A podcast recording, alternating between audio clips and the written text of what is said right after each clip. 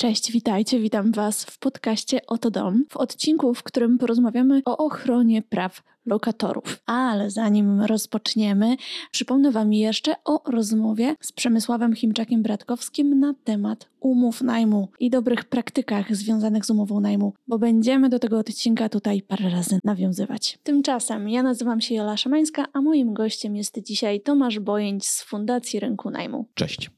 Na początek takie basicowe pytanie, od którego chciałabym, żebyśmy wyszli. Czy lokatorzy i najemcy to są te same osoby? Bo ustawa mówi nam tutaj o prawach lokatorów, a nie najemców. Dlaczego to tak wygląda? Myślę, że możemy zacząć od tego, że jest pewna różnica między pojęciem lokatora a pojęciem najemcy. To znaczy, że jeżeli ty masz swój dom, swoje mieszkanie i w nim mieszkasz, to poza tym, że jesteś właścicielem, to jesteś też lokatorem.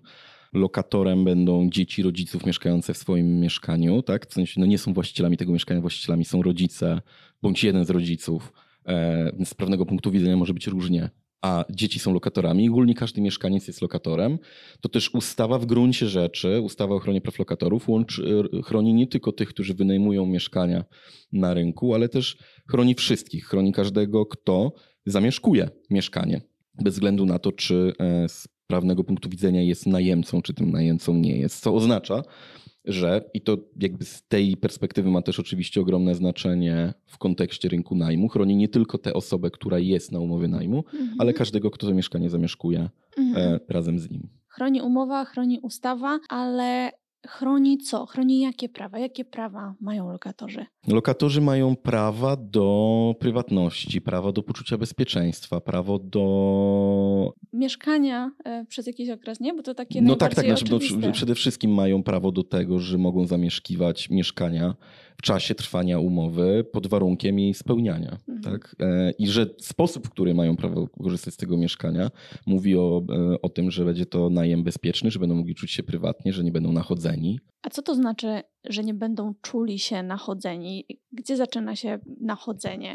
Znaczy, ja powiem coś, co jest może niezbyt oczywiste. Znaczy, oczywiste nie jest na pewno. Myślę, że jest też niezbyt popularne i może nawet budzić pewno, pewne poczucie kontrowersji. Ale w momencie, kiedy wynajmujemy komuś mieszkanie, kiedy ktoś podpisał tę umowę, odebrał od nas klucze, on jest użytkownikiem tego mieszkania w 100%. To znaczy, że to, że my jesteśmy wpisani w księgi wieczyste mieszkania, nie znaczy, że mamy prawo w jakiejkolwiek sytuacji tak po prostu sobie do niego przyjść.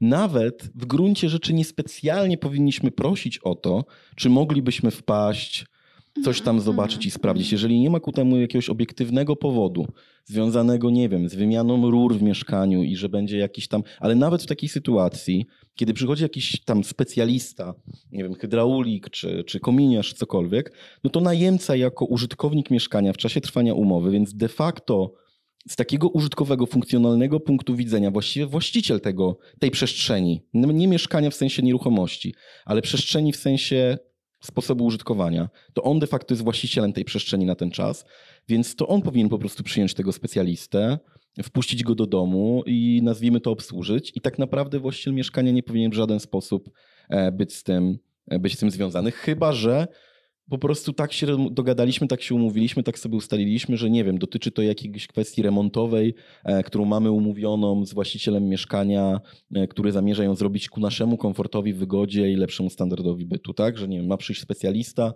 który będzie razem z nim oglądał, ustalał, jakie te kafelki ma tam wymienić. No to w takich sytuacjach oczywiście nie, nie twierdzę, że tym jest coś złego, że ten właściciel przychodzi, ale to wcale nie jest tak, że on musi przy tym być, nie? To nie, to nie jest tak, że jak przychodzi hydraulik oglądać rury, to właściciel musi być w mieszkaniu. A co z tymi standardowymi zapisami, y, że umawiamy się, że co miesiąc właściciel ma prawo sprawdzić stan mieszkania. To jest de facto bezprawne. To jest właściwie klauzula abuzywna, ona jest sprzeczna z ustawą. Jeżeli obu stronom to leży, no to ja nie mam prawa wobec tego e, oponować, ale mam takie podejrzenie graniczące z pewnością, wynikające z doświadczeń naszej pracy przez te kilka ładnych lat e, na tym rynku, że e, ludzie się na to godzą nie dlatego, że im to odpowiada, tylko dlatego, że nie wiedzą, że nie mogą się na to zgodzić, mhm. że uważają, że to jest norma, że to jest jakby jakieś prawo właścicielskie. E, nie ma takiego prawa właścicielskiego, nie ma czegoś takiego. Ja rozumiem, że dla wielu ludzi, dla większości ludzi mieszkanie jest wyjątkową wartością, ale jeżeli ja kupuję mieszkanie po to, żeby je wynajmować, albo mam mieszkanie i decyduję się je wynajmować, to w tym momencie przestaję na nie patrzeć jak na mieszkanie i zaczynam patrzeć na nie jak na lokatę kapitału. I w tym momencie ono ma po prostu zarabiać pieniądze. Mhm. I z takiego kapitalistycznego punktu widzenia i tyle. Więc wchodzenie w narrację, że to jest moje właścicielskie prawo, e, że pańskie oko konia tuczy i tak dalej, jest po prostu nie w porządku. No bo albo chcę wynajmować to mieszkanie i szanować prawa tego człowieka, który je ode mnie wynają, i zaakceptować to, że on chce żyć po swojemu, mieć swoje meble, mieć swoje ściany, swoje kolory, swoje zwyczaje i tak dalej. I nie za bardzo rozumiem, co miałoby oznaczać sprawdzać stan mieszkania. To znaczy, że co, że ja przychodzę sobie co miesiąc, oglądam, czy ktoś mi podłogi nie zniszczył, bo za nią, za- no, no to, jeż- no to, to jest moje ryzyko jako właściciela mieszkania, że no muszę się liczyć z tym, że może tak się stać i po prostu po zakończeniu tego najmu ten problem będę musiał jakoś rozwiązać. Tak? I wtedy oczywiście mam szereg narzędzi prawnych do tego, żeby e, poza samą kaucją oczywiście wymagać od e, tego użytkownika pokrycia pełnych kosztów naprawy tego mieszkania, a nawet okresu, kiedy tego mieszkania z tego powodu nie mogę dalej wynajmować. Ale to jest zupełnie co innego niż Mhm. nachodzenie kogoś w trakcie. A propos zniszczonych podłóg albo e, pobrudzonych ścian, istnieje takie pojęcie naturalnego zużycia i takie powszechne przekonanie, że jeżeli coś zużyliśmy, to powinniśmy to e, naprawić czy przywrócić do takiego stanu, jaki był na początku. Czy to rzeczywiście obowiązek najemcy? To znaczy jest tak, y, istnieje rzeczywiście społeczne takie przekonanie o czymś takim jak naturalne zużycie i żeby było uczciwie, to to przekonanie jest po obu stronach. I chyba dopóki tak jest, to nie jest jakiś większy problem. Natomiast w rzeczywistości ustawa czegoś takiego nie przewiduje. To znaczy, jeżeli ja wynająłem mieszkanie, które było świeżo co odmalowane, to w gruncie rzeczy, jeżeli właściciel oczekiwałby ode mnie po pół roku i wynająłby mnie tylko na pół roku i wyprowadzam się po pół roku i on mi mówi, no okej, ale mieszkanie było świeżo odmalowane, ma być świeżo odmalowane, no to ja nie mam takiego argumentu jak naturalne zużycie. Znaczy, Mhm. oczywiście jak sobie wpiszemy coś takiego do umowy, no to wtedy możemy, tylko że bardzo ciężko byłoby określić parametry tego, czy, co jest naturalne, a co nie jest, więc żaden właściciel się na to nigdy nie zgodzi. Natomiast generalnie jest tak, że ma prawo wymagać od nas tego, żebyśmy to mieszkanie em, odświeżyli. To się raczej nie zdarza. Ja nie słyszałem takiej historii. Raczej jest tak, że, że, że obie strony są co do tego zgodne, że no, jeżeli tylko nie było jakichś takich większych zniszczeń, e, większych zużyć, to rzeczywiście mieszkanie jest odbierane w takim stanie, w jakim jest od, od, oddawane. Natomiast zgodnie z ustawą, no teoretycznie powinniśmy po prostu mieszkanie w 100% doprowadzić do stanu, w którym ono było odbierane. Ale to działa w dwie strony. To znaczy, no, że jeżeli odbieramy mieszkanie, które nie było przygotowane e, w taki idealny sposób, było brudne, nieodmalowane, nie twierdzę, że zawsze musi być odmalowane, tak? Ja też zdarzało mi się wynajmować mieszkania, które były nieodświeżone i no nikt nie miał prawa wymagać ode mnie w tej sytuacji i nikt nie wymagał, żeby to mieszkanie było odświeżone w momencie jego wydania. Mamy w takim razie bezpieczeństwo, e, nasz spokój. A jeżeli chodzi o takie detale, takie najbardziej mm, proste e, wątpliwości, czy jako najemca ja mam prawo wbijać gwoździe tam, gdzie tego potrzebuję, albo malować ściany, na jaki kolor chcę? No w zasadzie powinnaś. E, W tym sensie, że ustawa nie zabrania czegoś takiego. Mhm. E, I właśnie po to jest taka zasada, rzeczywista zasada prawna, że należy oddać w tym stanie, w którym było. Więc jeżeli wynęłaś mieszkanie, które cało było limonkowe, bo ktoś miał taką fanaberię, to ty masz e, pełne prawo do tego, żeby je odmalować na biało, powbijać sobie obrazki i w momencie wydania tego mieszkania powyciągać te obrazki, załatać te dziury i zadać właścicielowi pytanie, czy chce, żebyś odmalowała je na limonkowo po raz kolejny, czy zostawiła białe, ale oczywiście odmalowa, żeby te dziury nie były widoczne. No i to, to, to jest jakby wola, e, wola właściciela, chociaż ja znam taką historię, w której ludzie nie wynajęli mieszkania, bo nie byli w stanie dojść do konsensusu z tym, że była rodzina, która miała ileś tam mieszkań do wynajmu i zawsze w tych mieszkaniach podobno było coś czerwonego, łącznie z tym, że była jedna wielka czerwona ściana na przykład. I oni powiedzieli, że bardzo im się to mieszkanie podoba i wszystko jest super, tylko ta ściana im nie leży i zapytali po prostu, czy oni mogą ją przemalować, a właściciele tego mieszkania powiedzieli, że nie, bo to ich mamusia tak sobie wymyśliła, że zawsze ma być coś czerwonego w tych mieszkaniach, więc w każdym musi być. No więc oni powiedzieli, dobrze, to proszę nam powiedzieć, która to jest farba, my odmalujemy z powrotem tę ścianę przed wyprowadzką. Oni powiedzieli, że nie, że oni się nie zgadzają, żeby ta ściana w ogóle była przemalowana, no i do tego najmu nie doszło. Jestem przekonany, że ze względu na kondycję naszego rynku w tym momencie, no do, do jakiegoś najmu doszło w niedługiej e, przyszłości po tym zdarzeniu z kimś innym, kto zaakceptował tą czerwoną ścianę. Natomiast ja w 100% rozumiem tych ludzi, że do tego najmu nie chcieli, e, tym bardziej, że tam był ewidentna, jakby taka wyraźna niezgoda na to, żeby zaakceptować tak prostą sytuację, tak? Tym bardziej, że naprawdę metody są takie, takie z technicznego punktu widzenia są dzisiaj takie tapety, które można naklejać na ścianę, Tak. które mają, są bezfakturowe, więc nie widać, że to jest tapeta. Można pomalować tą tapetę na biało, będzie wyglądać jak biała ściana, a potem zdjąć tą tapetę i będzie ten sam kolor, nawet kleju nie zostanie nic. Ale no jeżeli ktoś ma taki opór, no to po prostu, no ja zawsze polecam, żeby taki po prostu z kimś takim nie współpracować, chociaż mm. wiem, że to jest bardzo trudne w sytuacji, w której jesteśmy dzisiaj. Poruszyłeś ważny wątek, bo prawa prawami, a rynek y, rynkiem i tak naprawdę czy jest szansa egzekwować te prawa, szczególnie na tak trudnym rynku, tak szybko się zmieniającym, tak wymagającym i teraz jednak rynku wynajmującego, a nie najmującego w tym momencie? Znaczy, Ja myślę, że jest. Jest szansa egzekwować te prawa w tym sensie, że ja nie mam w sobie może za dużo jakiegoś takiego optymizmu, jak opowiadam, prawda? E, Bo to nie jest w mojej naturze i nie byłem na pewno wychowywany w takim duchu. Ale mimo wszystko jakoś wierzę w ludzi i, i wierzę w to, że, że większość wynajmujących to ludzie, którzy nie są Januszami biznesu i harpiami, tylko po prostu zainwestowali w mieszkania, bo to był najlepszy sposób na lokatę kapitału. E, A niejednokrotnie jest tak, że po prostu wynajmują mieszkania, w których wcześniej sami mieszkali, ale zmienili na większe i tak dalej. I e, good for them. Jakby świetnie, że udało im się dojść do tego etapu w życiu, że mają więcej niż jedno mieszkanie. Jeżeli one nie są na kredytach, to tym lepiej. I wierzę w to, że ci ludzie, wierzę dlatego, że też takie mam doświadczenie z moim własnym najmem, że tacy ludzie szukają mieszkań, mieszkańców, czyli najemców, którzy przede wszystkim będą dbali o to mieszkanie, którym zależy na tym, żeby było dobrze. Jest cały czas taki, taka wizja, że jak e, własne to dbam, a jak najemca to byle jak. Ja się z tym drastycznie nie zgadzam. Uważam, że jest to bardzo niesprawiedliwe i nieuczciwe. Sam jestem od nastu już lat najemcą, nie, nie, nie pakuję się do... Otarłem się o własność, że tak powiem i, i wcale nie czułem się z tym lepiej. I prawda jest taka, że, że ja jestem przekonany o tym, że większość najemców, których znam jednak dbają o mieszkania, które wynajmują. I jeżeli trafimy na normalnego wynajmującego, czyli właśnie tego w tej kategorii, któremu zależy, a tak jak mówię, no z mojego doświadczenia większość mieszkań, które wynajmowałem, miałem właśnie w takich relacjach z takimi ludźmi, no to oni widzą, że mi zależy, że ja traktuję to miejsce jak swój dom, bo to jest najlepsze, co może się stać również z perspektywy wynajmującego. To wcale nie jest dobre z perspektywy wynajmującego, że najemca czuje się gdzieś na chwilę. Jeżeli poczuje się tam jak w domu, to znaczy, że będzie o to miejsce dbał, że będzie dla niego ważne, że będzie pilnował, że jemu też będzie przeszkadzało, że jest porysowana ściana, podłoga albo coś się popsuło.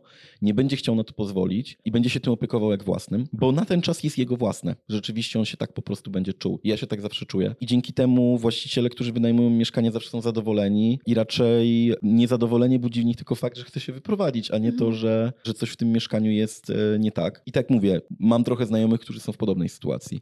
Więc jeżeli mamy takiego wynajmującego przed sobą i mu powiemy, słuchaj, to jest kwestia naszego wzajemnego zaufania. My chcemy się tutaj poczuć jak w domu. Chcemy dbać o to miejsce jak dom. Chcemy czuć, że to jest długoterminowa, fajna współpraca między nami, najemcami, a tobą wynajmującym, więc ty nam na to pozwól. Żebyś nam na to pozwolił, to uszanuj nasze prawa. A nasze prawa są takie, że chcemy się tutaj czuć prywatnie, bezpiecznie, komfortowo. A żeby to osiągnąć, nie możesz nas nachodzić co miesiąc i sprawdzać, jak tutaj nam się żyje, bo nie będziemy się czuli u siebie, Mm. tylko cały czas u ciebie.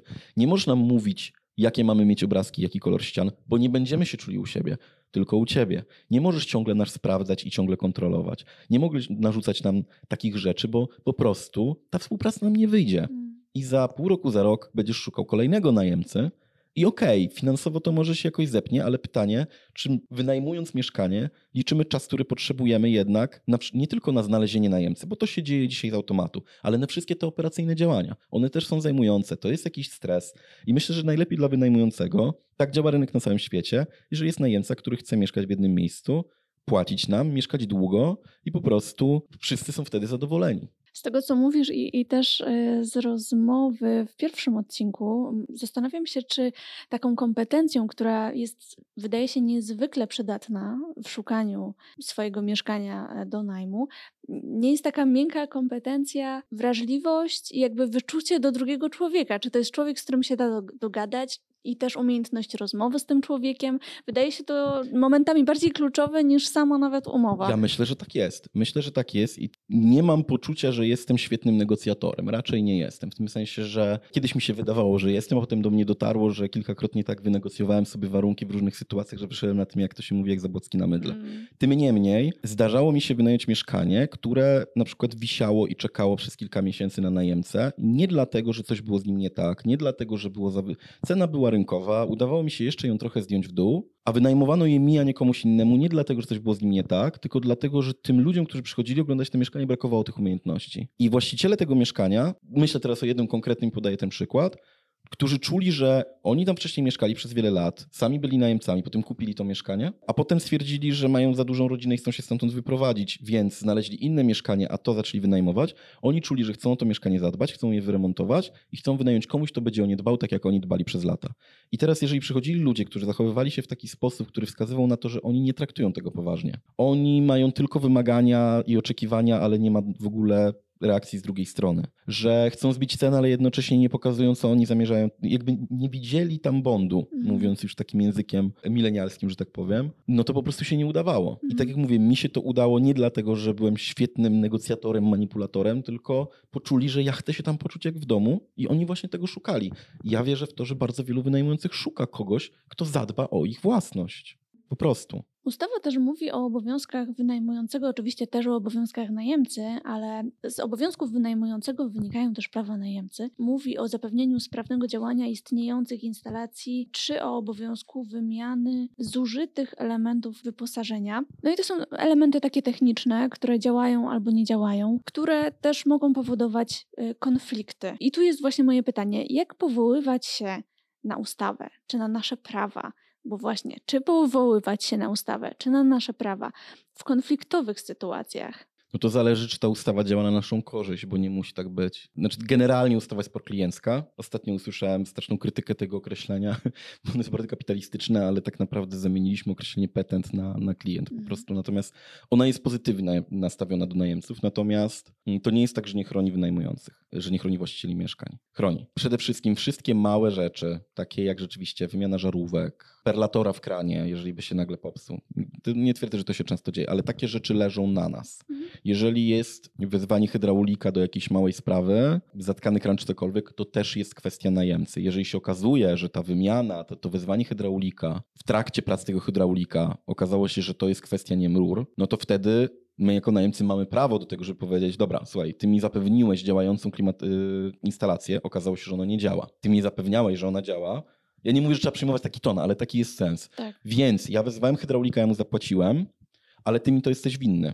Tak? Bo w normalnej sytuacji, gdyby ja myślałem, że to jest. Ty, nie mamy obowiązku pytać właściciela, czy wolno nam wezwać hydraulika, kiedy nam Okej. kran przecieka. Nie? To jest jakby na tej zasadzie, że jeśli się okaże, to nasza wina, bo coś schrzaniliśmy, bo to jest mała usterka, to to jest, to jest właśnie naturalne użytkowanie i to leży po stronie najemcy. Natomiast jeśli się okaże, ja miałem taką sytuację, w ogóle też był zapach jakiś dziwny, nie do końca wiedziałem, co się dzieje. Okazało się, że po prostu była dziura w rurze e, spustowej od zlewu i ten zapach brał się z tego i w ogóle totalnie nie wiedzieliśmy, co to jest. To już całe lata temu. No i w każdym razie, no faktycznie było tak, że po prostu poinformowałem, właśnie ja już wtedy się zajmowałem najmem, co prawda krócej niż teraz, ale poinformowałem ich o tym, że po prostu e, wysyłam im fakturę po hydrauliku i oni na początku próbowali przyjąć taki ton, że no to w takim razie może po połowie. Ja mówię, no nie, nie, ja go wezwałem i miałem do tego prawo, bo coś było nie tak z kranem.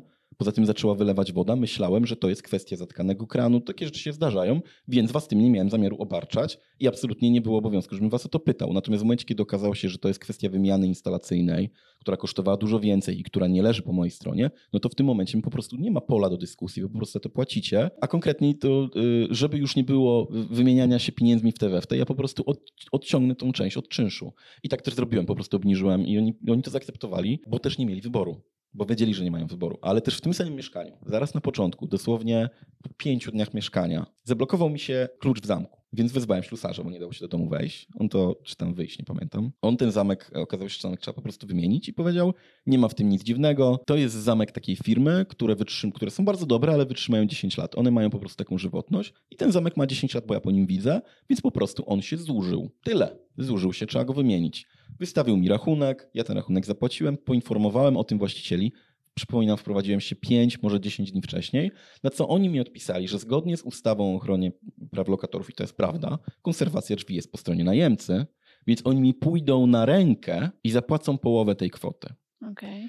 Prawda jest taka, że oczywiście zachowali się mega nie w porządku, bo powinni mi wydać działające drzwi z działającym zamkiem, czego nie zrobili, hipotetycznie, ale z drugiej strony zamek działał, kiedy wydawali mi drzwi. Więc ta sytuacja była bardzo niekomfortowa, dlatego że ja się wtedy jeszcze na tym nie znałem i tym nie zajmowałem, bo to było dosłownie w takim momencie, że niedługo później zacząłem zajmować się tym, czym się zajmuję dzisiaj. Być może, że gdybym się na tym znał, to zacząłem z nimi więcej dyskutować i powiedział, dobra, dobra, ale wy mi zapewniliście działające drzwi, te drzwi nie działały.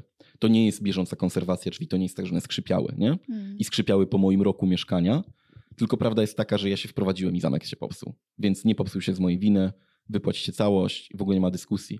Natomiast no, ta sytuacja była prawnie skomplikowana, bo w gruncie rzeczy faktycznie, zgodnie z ustawą o ochronie praw lokatorów, jeżeli wam skrzypią drzwi, jeżeli wam zamek przestaje działać po roku mieszkańcego, to to jest wasz problem. Mm. To nie jest problem właściciela mieszkania, bo to wy użytkujecie mieszkanie. To wy jesteście ich właścicielami tej przestrzeni na czas trwania umowy. I tak samo jak we własnym mieszkaniu samemu trzeba takie rzeczy naprawiać, no to w tym wynajmowanym też. To w tym wynajmowanym też. Natomiast to jest też nauczka. Dla mnie była i, i, i mogę przed tym przestrzegać i uważam, że warto jest takie rzeczy sobie zabezpieczać właśnie tak, żeby wszystko o tym też chyba mówił Przemek na poprzedniej rozmowie, żeby wszystko protokołować, a ja bym powiedział nie tylko protokołować, ale bardzo dokładnie sprawdzać. To Mhm. znaczy, zanim podpiszujemy wszystko, e, klepiemy i tak dalej, no to trzeba poprosić właściciela, żeby nawet nie, że sami, tylko żeby właściciel, żeby puścił pralkę i zobaczył, czy działa. Żeby podłączy, jeżeli nie była podłączona lodówka, to w ogóle jest jakiś zły sygnał, tak? Bo lodówka nie może być odłączona zbyt długo, bo tam freon i tak dalej.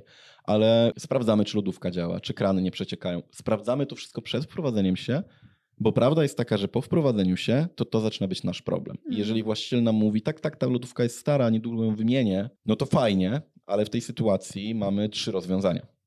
Albo powiedzieć, dobrze, to w takim razie wpisujemy do umowy, robimy aneks, z którego wynika, że do dnia tego i tego, tego i tego miesiąca pan wymienia lodówkę, chyba że popsuje się wcześniej, ale nie później. Albo akceptujemy, że on tak powiedział i liczymy się z tym, że to się nigdy nie wydarzy. Albo mówimy mu, to proszę to zrobić od razu. Mhm. To są trzy możliwości. Mhm. Prawda jest taka, że większość z nas e, podejmuje decyzję, nas najemców, mówiąc gremialnie, że no dobra, to jak się popsuje, to wymieni, no a potem jest walka, bo się okazuje, że no, ale to nie jemu się popsuło.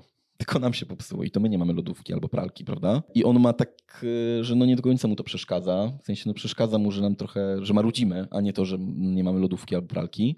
Więc potrafi to trwać tydzień, dwa tygodnie, trzy tygodnie, a potem jesteśmy też rozczarowani, bo miała być wymiana lodówki, a okazuje się, że wymiana lodówki jest, ale przyjeżdża niewiele lepsza od tej, która była. A prawda jest taka, że w momencie podpisania umowy, to my mówimy, że to jest ok, jak jest teraz. To znaczy, że jeżeli lodówka była taka sobie i on wymieni na taką samą, niewiele młodszą, działającą, z tego samego okresu historii używaną z demobilu, to to jest zupełnie w Mhm. porządku, bo myśmy się umówili na to, że ona będzie właśnie taka w momencie podpisania umowy. Czy nie uważasz, że trochę problemem najemców jest czasem brak stanowczości? W związku z tym, że nam się jednak stanowczość kojarzy z jakimś, z czymś złym, czy nie w porządku, nie na miejscu na początku. Chociaż też takie zachowanie może wynika z tego, że najemcy czują się na gorszej pozycji negocjacyjnej. No i chyba trochę tak jest, że są na gorszej pozycji negocjacyjnej. Znaczy teraz w szczególności, ale y, dzisiaj mamy, już to nazwałaś rynek wynajmującego, ale czy tak było zawsze, to, to, to już tego bym nie powiedział. Mhm. Natomiast generalnie mamy taką kulturę, która bardzo mocno jest popchnięta w kierunku własności i myślę, że to sprawia, że nie tylko na tym poziomie, że my wynajmując czekamy, aż już nas będzie stać na własne, ale też jesteśmy nauczeni, że ta własność tego człowieka, który zarabia na tym, że my tam jesteśmy, znaczy więcej niż nasze mieszkanie tam.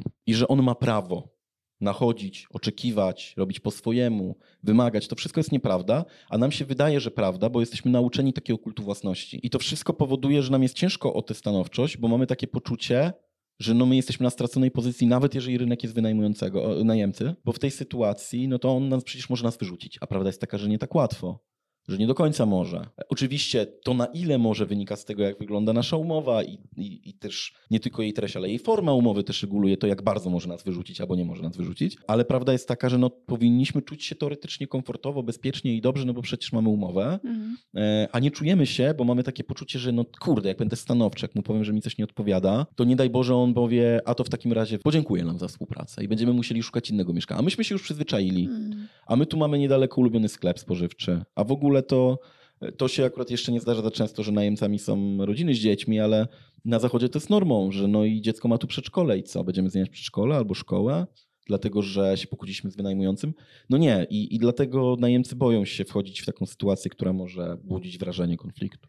No dobra, no to jak jest z tym e, straszakiem wyrzucenia? E, Czy rzeczywiście tak łatwo eksmitować najemcę? Czy jako najemcy rzeczywiście na każdym kroku możemy się tego bać? No generalnie rzecz biorąc nie. Generalnie rzecz biorąc jest tak, że właściciel nie może nas wyrzucić z mieszkania, to tak. E, Znaczy to wszystko zależy od umowy, tak? Bo Mhm. tak mówiąc po kolei, przede wszystkim no, e, większość umów na rynku jest na czas określony. Więc w trakcie trwania umowy w zasadzie, jeśli oczywiście ustawa, umowa nie przewiduje inaczej, ale raczej nie powinna, i, i, myślę, że mało ktoś się godzi na to, żeby podpisać umowę, która przewiduje inaczej, to czynszu nie można podnieść w trakcie, tak? Więc to nie jest tak, że ktoś nam powie, dobra, to ty się wyprowadza, jak nie chcesz się wyprowadzić, to będzie 1000 zł więcej. No nie. W ogóle takie sytuacje, teraz ostatnio słyszałem dużo takich głosów, że się zdarzały, że ktoś dzwonił i mówił, że teraz będzie już drożej o 2000, bo tu się mhm. ceny rynkowe zmieniły, ja mam prawo. No nie ma prawa, bo najmący nie ma prawa podnieść ceny w trakcie trwania umowy, pod warunkiem, że jest to umowa na czas określony. Jak jest na czas nieokreślony, no to też nie ma prawa podnieść tak o, od tak po prostu, no ale może powiedzieć tak, słuchaj, ja chcę podnieść ci kwotę, albo ja chcę, żebyś się wyprowadził, no i wtedy jest czas wypowiedzenia, który jest zawarty w umowie. Teoretycznie umowy na czas określony też potrafią mieć klauzule, które mówią o czasie wypowiedzenia.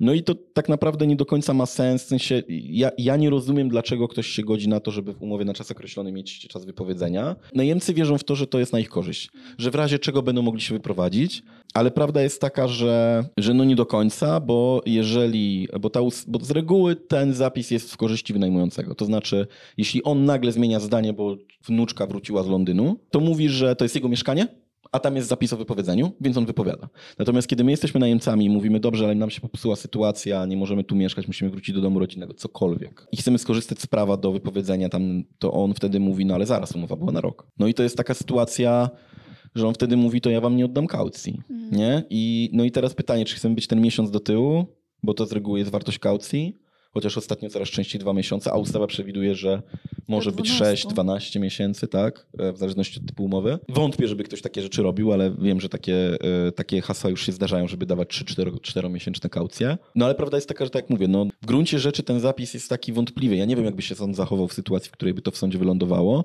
Czy uznałby, że ten zapis sprawia, że jednak można wypowiedzieć umowy na czas określony, czy nie? A jeżeli ta sytuacja znalazłaby się w sądzie, to jestem przekonany, że tylko i wyłącznie z perspektywy tego, że to najemca chciał się wyprowadzić, bo jak wynajmujący wypowiada umowę, to najemca po prostu podkula kolon i, z, i znika. I taki jest zwyczaj, nie? Natomiast generalnie rzecz biorąc, jeżeli mamy umowę na czas nieokreślony, no to wtedy wynajmujący no może nam powiedzieć, że coś mu nie pasuje, to jednak się wyprowadzamy, ale oczywiście znowu mamy czas wypowiedzenia, który jeśli nie jest uregulowany w umowie, bo może być uregulowany, normą są trzy miesiące. I w wielu umowach tego zapisu w ogóle nie ma. Jeśli jest, no to, to często jest sprowadzony do miesiąca. Myślę, że no to jest niekorzystne też dla obu stron w gruncie rzeczy, bo e, jeżeli jestem wynajmującym i chciałbym się kogoś szybko pozbyć, no to pewnie dlatego, że mi coś w nim bardzo nie odpowiada, więc wtedy z reguły ten miesiąc też niewiele znaczy i ktoś, no jakby prawo przewiduje taką możliwość, żeby kogoś wydali z mieszkania bez zachowania okresu ochronnego, jeżeli ktoś rzeczywiście bardzo mocno narusza e, ustalenia umowy, ale takie, które są niepodważalne prawnie. W tym sensie, że po prostu na przykład niszczy mieszkanie i to w taki sposób, że jest to widoczne zewnętrznie, że stanowi zagrożenie, niebezpieczeństwo mhm. dla otoczenia, że nie wiem, sąsiedzi donoszą, że jest straszny hałas, że, że, że no po prostu, że wiele wskazuje na to, że rzeczywiście są powody do tego, żeby podejrzewać, e, ale to, to takie sytuacje są na maksa mhm. drastyczne i pojedyncze i właściwie się praktycznie nie zdarzają. A podnajem też jest powodem do eksmisji? No, te, teoretycznie, teoretycznie mógłby być, e, jeżeli byłby udowodniony. Okay. Ale to też nie jest takie całkiem proste. Jakie w takim razie jeszcze mogą być powody eksmisji lokatora? No druga sprawa jest taka, no, że użytkowanie niezgodne z przeznaczeniem. Tak? Czyli jeżeli ja wynająłem mieszkanie na cele mieszkalne, a prowadzę tam działalność gospodarczą, no to jeszcze pytanie, jaką działalność gospodarczą, mm. tak? Ale znaczy w sensie najpierw samo prowadzenie działalności gospodarczej no nie jest zbyt fortunne, jeżeli e, mam lokal mieszkalny, dlatego że no po prostu powinno być w tej sytuacji inaczej odprowadza się podatki, to może być problem dla właściciela e, i może być nie w porządku. No a druga sprawa jest taka, że no, y, ta działalność może być różna i na pewno wielu słuchaczy słyszało różne historie o tym, że dziś miało być mieszkanie, się zrobił e, dom towarzyski, ale tu znowu bym wrócił do tego, że jeżeli wiemy komu wynajmujemy, a to nie jest trudne sprawdzić, to, to, takie sytuacje się po prostu nie zdarzają, tak? Ale, no ale ja słyszałem historię o tym, że u kogoś w budynku była agencja towarzyska w wynajmowanym mieszkaniu. E, akurat nie w wynajmowanym, mieszkaniu wynajmowanym tej osoby, ale, ale wiedział, że to jest mieszkanie mhm. wynajmowane i miał być najem, a była agencja towarzyska i rzeczywiście to jest oczywiście absolutnie podstawa do tego, żeby wypowiedzieć umowę najmu ze skutkiem natychmiastowym. Nie, zwłaszcza, że tam po prostu były dziesiątki świadków, które po prostu widziały, co się w tym mieszkaniu dzieje. Ale tak mówię, no jeżeli ja bym wynajął mieszkanie na cele mieszkalne, prowadził tam firmę, prowadził biuro i to byłoby do udowodnienia w łatwy sposób, na przykład prowadził firmę, która przyjmuje klientów i tak dalej, miałbym wyraźnie tabliczkę na drzwiach, zaznaczył na, na domofonie, bo to, że ja sobie pracuję przy biurku w domu, to nie. Jakby wiesz, okay, to, to no jeszcze no nie jest firma, nie? Mm. W sensie, ty możesz mieć działalność gospodarczą, którą w ten sposób prowadzisz, moja partnerka tak ma i to nie jest absolutnie mm. podstawa do tego, żeby kwestią bardziej, że ona jakby nie obniża sobie podatków z tego powodu, nie? Nie ma wprowadzonego mieszkania do działalności. Natomiast e, jeżeli mieszkanie jest wprowadzone do jakiejkolwiek działalności, czyli prowadzi się tam działalność gospodarczą i widać, że się ją tam prowadzi, no to w tej sytuacji płaci się inne podatki, to po prostu powinno być uregulowane w umowie i jeśli nie jest, to jest to podstawa do powiedzenia umowy. Okej, okay, czyli na przykład y, mam w głowie takie mm, dwie sytuacje, że ktoś jest tłumaczem i, i też przyjmuje No ja mam kolegę, który jest tłumaczem. Mhm. Też często są te plakietki, no nie? Tłumacz języka angielskiego. No tak, no ale jeżeli ma to ustalone w umowie z, z właścicielem mieszkania, to, to nie jest problem. E, Albo pani, która robi paznokcie e, i do niej się przychodzi. Wszystko trzeba po prostu uzgodnić przed. Znaczy inaczej, y, jeżeli pani, która prowadzi paznokcie i ktoś do niej przychodzi na te paznokcie Mhm. i ona y, oczywiście normalnie wystawia, liczy na to, że wystawia rachunek i jakby płaci podatki, bo jestem raczej propaństwowy w tym rozumieniu, ale ona nie obniża swoich kosztów prowadzenia działalności poprzez, tą poprzez ten lokal, to znaczy, że nie wprowadziła go do działalności i nie odpisuje sobie tego od podatku, no to wtedy ciężko powiedzieć, czy ona tam prowadzi tę firmę z takiego prawnego punktu widzenia, więc ciężko dać podstawę do tego, żeby wypowiadać jej tą umowę. Okej. Nie? Natomiast pytanie, na ile często przychodzą do niej klienci, i czy oni rzeczywiście mogą powodować zwiększone zużycie tego mieszkania, bo to tutaj się pojawiają wątpliwości. Natomiast bardzo ciężko jest to też udowodnić. No chyba, że wszyscy wszędzie wiedzą, w całej dzielnicy wiedzą, że pani Jadzia to w tym mieszkaniu wynajmowanym prowadzi gabinet kosmetyczny. Mhm. Może i mieszkać i prowadzić No gabinet. może, może, ale jakby w sensie, no faktycznie to jest, to, to już jest takie wchodzenie na taką warstwę, że to bardzo, na, na pewno jest to trudniej udowodnić niż Mhm. to, że ktoś ma wyraźnie zaznaczone, wiadomo, oznaczone Okej. gdzieś tam. E, Jeżeli są wyraźne dowody, które można, no bo to nie chodzi o to, że każda taka sytuacja musi się kończyć w sądzie, większość z nich się nigdy tam nie kończy. Ale zawsze trzeba sobie zadać pytanie, czy ja jestem w stanie przed sądem, czy przed prawnikiem po prostu udowodnić materialnie, że coś takiego się dzieje. Jeżeli mam tabliczkę na drzwiach, mogę zrobić zdjęcie, nie? To jest proste. Jeżeli on odprowadza podatki od tego, no to mogę po prostu, po prostu poprosić o Urząd Skarbowy, o mm, zadać mu nawet pytanie, czy osoba prowadząca działalność o numerze NIP takim i takim, o imieniu tym i tym, czy odprowadza, czy w swoim e, deklaracji podatkowej jakby obniża swoje koszty o prowadzenie działalności pod tym i tym adresem. Jeżeli, i każdy ma prawo to zrobić. Mhm. Jeżeli Urząd Skarbowy odpisze, że tak, no to to też jest podstawa do tego, żeby zakwestionować umowę. e, Znaczy powiedzieć, no dobra, miał pan nie prowadzić działalności, prowadzi pan u mnie działalność, do widzenia. No i mamy jeszcze powód, e, jakim jest niepłacenie czynszu, ale zdaje się, że to nie wystarczy miesiąc czy dwa. Jak to wygląda? Jeżeli mamy umowę e, regularną, że tak powiem, no to musielibyśmy nie płacić przez trzy miesiące, żeby nam wypowiedzieć umowę. Wcześniej nie można. I to jest jakby ze skutkiem natychmiastowym. Natomiast zdarzyło mi się spóźnić z czynszem i przyznaję się bez bicia. E, Ludzie mają różne gorsze i lepsze okresy i potem już zależy od tego, na ile jest dobra relacja z wynajmującym, żeby takie kwestie dogadać. Z reguły to nie jest problem, żeby komuś powiedzieć, hej, mam gorszą sytuację w tym miesiącu, zapłacę, przepraszam za obsługę, ja zapłacę, ale i tak dalej. Po trzech miesiącach wynajmujący ma prawo po prostu wypowiedzieć umowę ze Mhm. skutkiem natychmiastowym. I to jest to, co się boi wielu wynajmujących i dlatego decyduje się na alternatywne formy prawne, że wtedy, kiedy działa ustawa o ochronie praw lokatorów, no to my musimy mieć gdzie mieszkać, więc wtedy wchodzi no jakby proces, że tak powiem, wysiedlenia lokatora, lokatorów. No i to jest sprawa sądowa, która może się ciągnąć naprawdę bardzo długo. A jeżeli w międzyczasie lokator zapłaci jakąś pojedynczy czynsz, to może być tak, że, y, że trochę Wszystko się nowa. sytuacja. No, jest skazanie na dobrą wolę. Mhm. Oczywiście tak naprawdę to jest manipulacja, ale ja nie twierdzę, że takie sytuacje się w ogóle nie zdarzają, bo bym kłamał, ale one są naprawdę marginalne i tego nie należy się bać, bo, bo to zawsze jest tak, że krowa, która dużo ryczy, mało mleka daje i bardzo łatwo jest trafić na takie opowieści w internecie Mhm. ale jak sprawdzimy sobie statystykę co do tego, kto jest bardziej problematyczny, najemcy czy wynajmujący, no to się okazuje, że statystycznie problematyczni wynajmujący są dużo częstszym problemem niż problematyczni najemcy. Wow. To ciekawe. Ale e, sprawdziłam sobie właśnie te elementy e, eksmisji już takiej e, prawnej, sądowej. To jest mm, wypowiedzenie umowy, dalej wniosek o eksmisję dobrowolną. Dopiero wtedy pozew o eksmisję. Po sprawie sąd musi wydać klauzulę wykonalności i dopiero na samym końcu eksmisja komornicza, przy której też mamy najpierw wezwanie do dobrowolnego wykonania, e, do dobrowolnego opuszczenia lokalu i dopiero później czynności egzekucyjne. Więc wydaje się to proces e, też e, bardzo długi i skomplikowany. Czy to ma wspierać osobę w trudnej sytuacji materialnej, która stara się jednak w tym mieszkaniu pozostać, spłacić e, długi, czy czemu, czemu służy cały no ten proces? właściwie to samo odpowiedziałeś na to pytanie. Mhm. Dokładnie tak jest, że po to jest prawo, żeby chronić najsłabszych. Znaczy tak powinno przynajmniej być. E, Czy tak w rzeczywistości w Polsce jest, do tego mam często wątpliwości, już szczególnie na poziomie decyzji sądowych już końcowych, a nie tyle Mhm. konstrukcji prawnych. Ale rzeczywiście to jest po to, żeby nie doprowadzać do sytuacji, w których zostawiamy osobę w trudnej sytuacji, w jeszcze trudniejszej sytuacji. Oczywiście to nie jest w porządku, że ktoś nie płaci za mieszkanie, zwłaszcza, że to oczywiście jest kosztem tego kogoś, dla kogo to też może dużo znaczyć i to przecież wcale nie jest tak, że to musi być mieszkanicznik, który ma ich 20, to może Mhm. być osoba, która ma po prostu jedno dodatkowe Tak. mieszkanie, e, które odziedziczyło i stwierdziło, że nie chce sprzedawać, to wynajmie, po czym się okazuje, że tak naprawdę ma koszty, bo płaci czynsz, płaci rachunki, on te rachunki musi płacić, a mieszkanie jest, e, nie, jest do jego, nie jest dla niego dostępne, nie zarabia i tak dalej.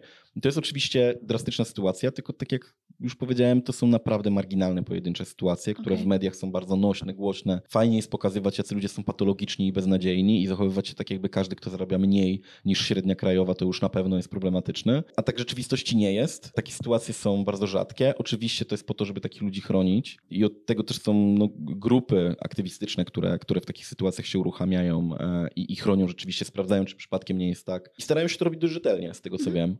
Mm, Czy przypadkiem nie jest tak, że rzeczywiście ktoś e, próbuje się chronić. Warto zwrócić uwagę na to, że większość takich głośnych historii o tym, że był problem z tym, żeby pozbyć się lokatora, e, to nie były sytuacje, w których ktoś wynajął mieszkanie po stawce rynkowej, jak ktoś przestał płacić, tylko sytuacje, w której ktoś wynajmował na przykład mieszkanie od miasta, miasto zreprywatyzowało kamienicę, a potem właściciel tej kamienicy podniósł czynsz dwudziestokrotnie starej babci, która oczywiście nie była w stanie płacić, a potem próbował ją wysiedlić. Tak, tak. I to- to są te historie, nie? Mm, I no, ja się zastanawiam zawsze, jak ktoś mówi, że to okropne, że ta ustawa tak działa, to pytam w tym momencie naprawdę, to jest okropne, że ta ustawa tak działa, że ci ludzie, którzy mieszkali tam 40 lat na czynszach po prostu miejskich, w miejskiej zabudowie, która jakby w życiu nikt jakby nie zakładał, że ona zostanie zreprywatyzowana Mhm. komuś, kto twierdzi, że jego pradziadek miał w tym miejscu ogródek działkowy, a teraz stoi tu kamienica, którą wybudowano w latach 50., ale właściwie to ona do niego należy. Jakby, czy to jest okej, czy Mhm. jakby w sensie, no moim zdaniem nie. I, I większość historii o wysiedleniach i o tym, że ta ustawa zadziałała, to są te historie. To znaczy, że one są pozytywne. To one są pozytywne, tym bardziej, że to jednak chroni też interes publiczny, bo tych ludzi dziś trzeba osadzić i znowu wydać na to pieniądze publiczne. Prawda? tak, Więc tak. jednak powinniśmy robić wszystko, żeby tych ludzi w taki sposób nie wysadzać z mieszkań. Powiedziałeś o organizacjach, o fundacjach, e, które, które pomagają w takich sytuacjach, ale zdaje się też, że Rzecznik Praw Obywatelskich e, może być pomocną instytucją. Może być myślisz? tak, na poziomie, znaczy, bo te organizacje aktywistyczne to są jednak organizacje były, nie były oddolne, jakieś Mhm. akcje lokatorskie, to są często różnego rodzaju skutersi, no po prostu ludzie, którzy robią to z, do, z takiego porywu serca i to nie są organizacje mm, publiczne, tylko pożytku publicznego, to są Mhm. dwie różne rzeczy. Natomiast, natomiast jeżeli chodzi o organ publiczny, to ten najbardziej naturalny to jest chyba rzeczywiście Rzecznik Praw Obywatelskich. Wiemy już, e, jakie prawa mają lokatorzy przy umowie najmu tej e, podstawowej. Tak mówię o umowie, Tak, która tak, nie no jest właściwie nie ma żadnej innej nazwy. Tak, Tak, tak, jest. tak. Wiemy mniej więcej, jak wygląda e, wtedy eksmisja. A jak to wygląda, jeżeli chodzi o najem okazjonalny? Coraz bardziej popularną też fo- formę najmu No właśnie, obecnie. t- ja przyznam szczerze, że ja jestem strasznym przeciwnikiem tej y, Mm. ustawy. Ona powstała w 2009 roku i powstała jako taki wytrych prawny stworzony przez ostatnią władzę. Właściwie powstała po to, żeby ludzie, którzy często też należą do tej partii albo są z nią związani, mieli jakiś wytrych do tego, żeby nie musieć respektować praw lokatorskich. Tak? Mhm. Teoretycznie stworzono narrację, że ona jest po to, żeby stworzyć organizacje instytucjonalne, no ale od tego ostatecznie powstała ustawa o najmie instytucjonalnym i ona Mhm. powstała dużo później. Natomiast najem okazjonalny został stworzony w taki sposób, żebyśmy my na przykład wyjeżdżając gdzieś na pół roku za granicę, mogli na krótki termin wynająć swoje mieszkanie i żeby ono jakby tam przynajmniej się spłacało, tak? Na takiej zasadzie. Czyli stworzyć pewną okazję, stąd sama nazwa, najem okazjonalny. Czyli to miało być tak, że no, trudno mówić o ochronie praw lokatorów, jeśli komuś wynajmujesz na przykład swój dom na trzy miesiące albo na Mhm. pół roku. No ale to nie było po to, żeby stworzyć narzędzie inwestycyjne do tego, że ja kupuję mieszkanie po to, żeby je wynajmować, a potem mówię, że to jest najem okazjonalny, bo to jest zaprzeczenie tej ustawy. I ona została tak nazwana po to, żeby było wytłumaczenie, po co ją robimy, a jednocześnie no nie można było po prostu sprowadzić jej zamiast tej ustawy, która reguluje normalny najem, no bo byłoby widać wprost, że ktoś robi nam na złość i że i w takim sensie, że władza jest, tamta władza ogólnie miała raczej wizerunek niezbyt prospołeczny mimo nazwy w partii i niezbyt obywatelski, a to byłby taki jawny gest, że rzeczywiście zbyt obywatelska to ona nie jest. Mhm. Więc po prostu takiej ustawy e, nie można było wprowadzić ustawy, która zlikwidowałaby tamten najem, chociaż wiem, że były takie ambicje i łatwo było się podeprzeć tym, że ta ustawa jeszcze w komuny i tak dalej, że jest nieaktualna, ale ona jednak jest aktualna, jest bardzo chwalona też za granicą jako bardzo dobra i dobrze dbająca o interesy lokatorów i najemców. Dlatego wprowadzono taką drugą, uzupełniającą, jako Mhm. dodatek, jak ktoś wynajmuje na krótki termin, a zaczęła być stosowana stopniowo, szczególnie w ostatnich latach, jako po prostu regularny wytrych do tego, żeby zabezpieczyć się przed tymi właśnie drastycznymi historiami, które rzekomo są takie popularne, Mhm. tylko że jak ktoś poświęci naprawdę chwilę i zacznie szukać w internecie, to się okazuje, że hi- historii wcale nie masz tak dużo. Czy oczywiście można wpaść w króliczą dziurę i trafić po prostu w takie narracje internetowe i tak nas algorytm poprowadzi, że znajdziemy takich historii nie wiadomo ile, ale jak zatroczymy potem na statystykę, to się okazuje, że to jest tak niewielki ułamek, że szansa jest po prostu bliska zeru, to po Mhm. pierwsze.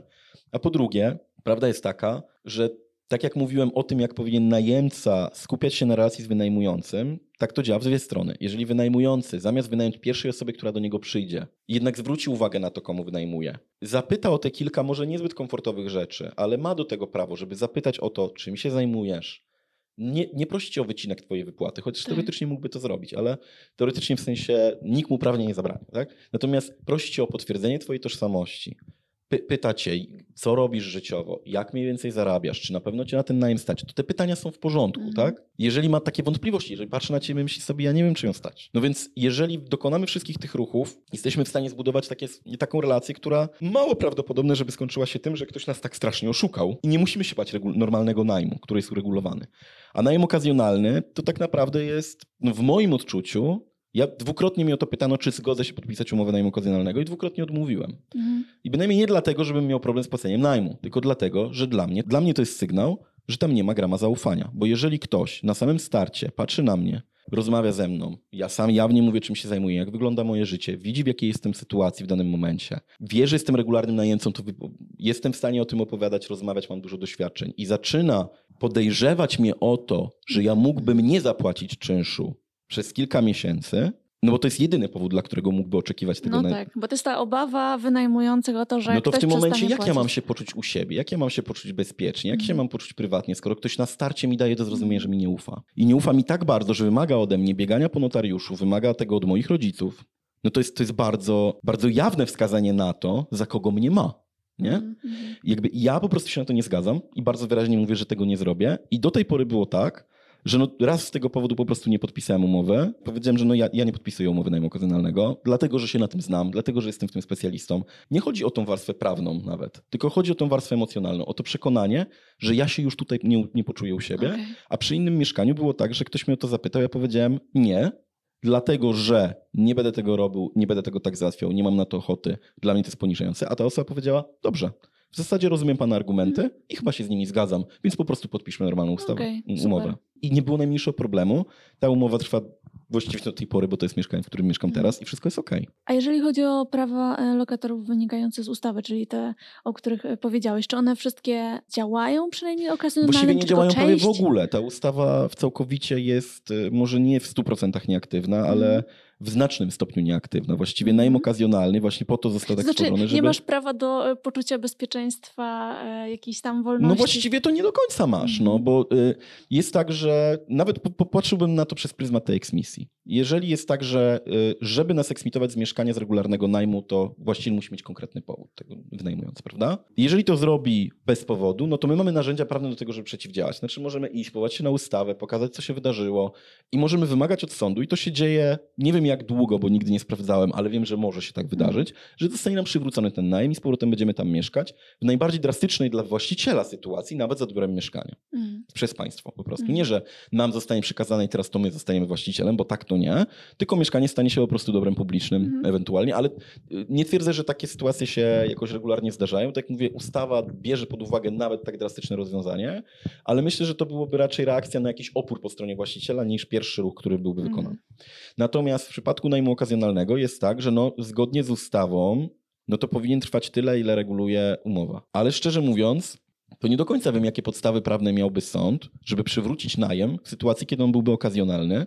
Tym bardziej, że zanim ta sprawa wylądowałaby w sądzie, to prawdopodobnie, jeżeli ja bym zamieszkał i po trzech miesiącach ty byś stwierdziła na najmie okazjonalnym, że właściwie to nie, bo ty zmieniłaś zdanie co do tego mieszkania i ty mi dziękujesz. I ja bym powiedział, no ale zaraz, przecież mamy umowę na rok, no to ty byś powiedziała, ale ja tak zdecydowałam, to jest umowa najmu okazjonalnego, okazja się skończyła, do widzenia. Mhm. No to ja bym poszedł do sądu, zanim ta sprawa wylądowałaby na wokandzie, zanim by się przeprowadził cały proces, mogłoby się okazać, że minąłby kolejny rok. No i co ten, co ten sąd miałby stwierdzić, że co? Że, ma, że przywrócisz mi najem okazjonalny? No nie, no był okazjonalny, no nie zachowałaś się może najlepiej, przerzuciliby na ciebie koszty sądowe i tak by się to skończyło, nie? A ja straciłbym czas. Okej. Więc e, prawda jest taka, że nie. Ja, mo, możliwe, że jakbyśmy o to zapytali prawnika, to on by wiedział, że nie, nie, że jednak jest jakaś droga, w której taki lokator miałby jakąś linię obrony i ochrony, ale dla mnie ona jest bardzo wątpliwa i nie Okej. jest jasna. I z punktu widzenia, ja jestem w tym jednak trochę wyspecjalizowany i nie widzę zbyt dobrej drogi dla lokatora najmu okazjonalnego w sytuacji nagłej eksmisji bez powodu. A Mhm. takie historie, tak jak powiedziałem, no częściej to właściciele są problematyczni, a nie najemcy. Częściej to oni nagle stwierdzają, że to się zmieniło. Ja w ciągu ostatnich kilku lat, już mówiąc tylko o mieszkaniu w Warszawie, znałem historię o tym, jak jednemu mojemu koledze powiedzieli, że ma się wyprowadzić, bo jego kuzyn się bo kuzyn innego lokatora przeprowadza się do Warszawy i będzie tu mieszkał i ma się wyprowadzić do końca miesiąca. Nie w następnym miesiącu, tylko do końca miesiąca było dwa tygodnie. Inną historię, w której e, moja koleżanka straciła mieszkanie i tam było trzy pokoje, trzech lokatorów i wszyscy trzej musieli się wyprowadzić, bo właścicielka przyszła pewnego dnia i powiedziała, że ona się rozwodzi, ona teraz tu będzie mieszkać w tym mieszkaniu Mhm. bo ona się rozwiodła z mężem właśnie. I że oni też do końca miesiąca, akurat był początek miesiąca, więc stwierdziła, że nie będzie im dawać więcej czasu. Ona do, do końca miesiąca mają się wynieść, bo ona nie będzie wynajmować mieszkania, skoro ma swoje. Mhm.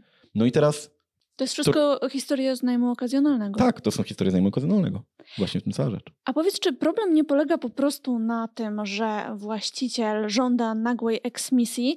Przy regularnej umowie najmu właściciel teoretycznie też może przyjść Teoretycznie tak, się... tylko że my wtedy moglibyśmy powiedzieć, że chroni nas jakaś ustawa i moglibyśmy w ogóle wejść w polemika, przynajmniej okazjonalnym, to ta ustawa nas tak nie bardzo chroni, Okej, tak? że nawet nie ma o czym dyskutować. No, Okej. teoretycznie jest, ale ta linia obrony jest bardzo wątpliwa. Po prostu jest bardzo słaba. Zresztą no dlatego właściciele mieszkań chcą mieć e, najmy, umowę najmu okazjonalnego. Dlatego, żeby mieć pewność, że jak ty nie będziesz płacić, to my cię możemy... No ale skoro ty podpisujesz umowę z kimś, co do kogo masz wątpliwość, czy będzie płacić, no to po prostu nie podpisuj człowieku tej umowy. Mm.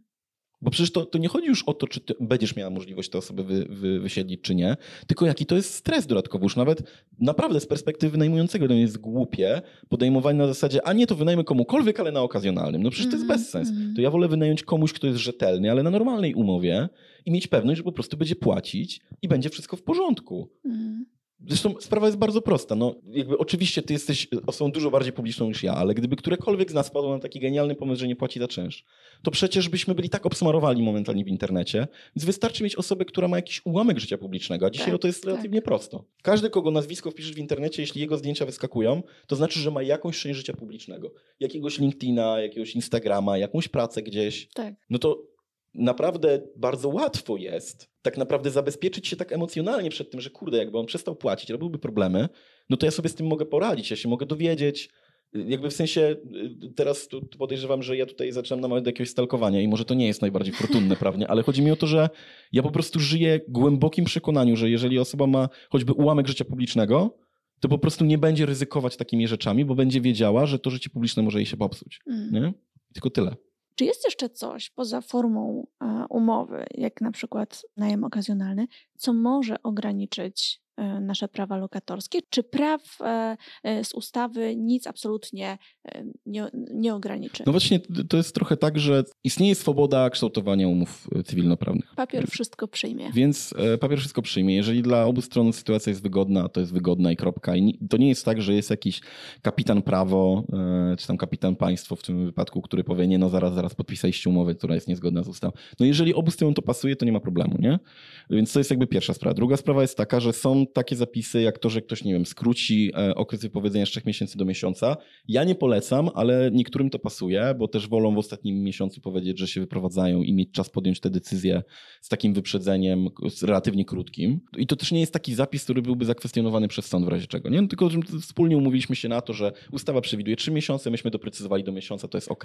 Natomiast są tak zwane, y, o tym też wspominał Przemek na pierwszym y, waszym podcaście, klauzule abuzywne, czyli takie, które rzeczywiście zaprzeczają prawom, które są. No i to, to są takie rzeczy jak właśnie to prawo do tego, że raz w miesiącu będzie ktoś przychodził, oglądał mieszkanie i zniszczył. No to, to, to, to jest coś, co, co jakby działa przeciwko prawu i gdybyśmy zakwestionowali to na takim poziomie prawnym, no to jakby Nie byłem świadkiem takiej sytuacji, nie znam takiego precedensu prawnego, ale mam, żyję w głębokim przekonaniu, że to jest tak głęboko sprzeczne z tym, co, o czym stanowi ustawa. I czy stanowi też ludzka godność po Mhm. prostu, że, że tutaj byłby opór po prostu. Ogromnie Ci dziękuję e, za rozmowę i, i za głos, bo też wydaje mi się bardzo ciekawe, że w każdym z odcinków e, specjaliści przedstawiają trochę e, inną perspektywę spojrzenia na najem i na umowę najmu.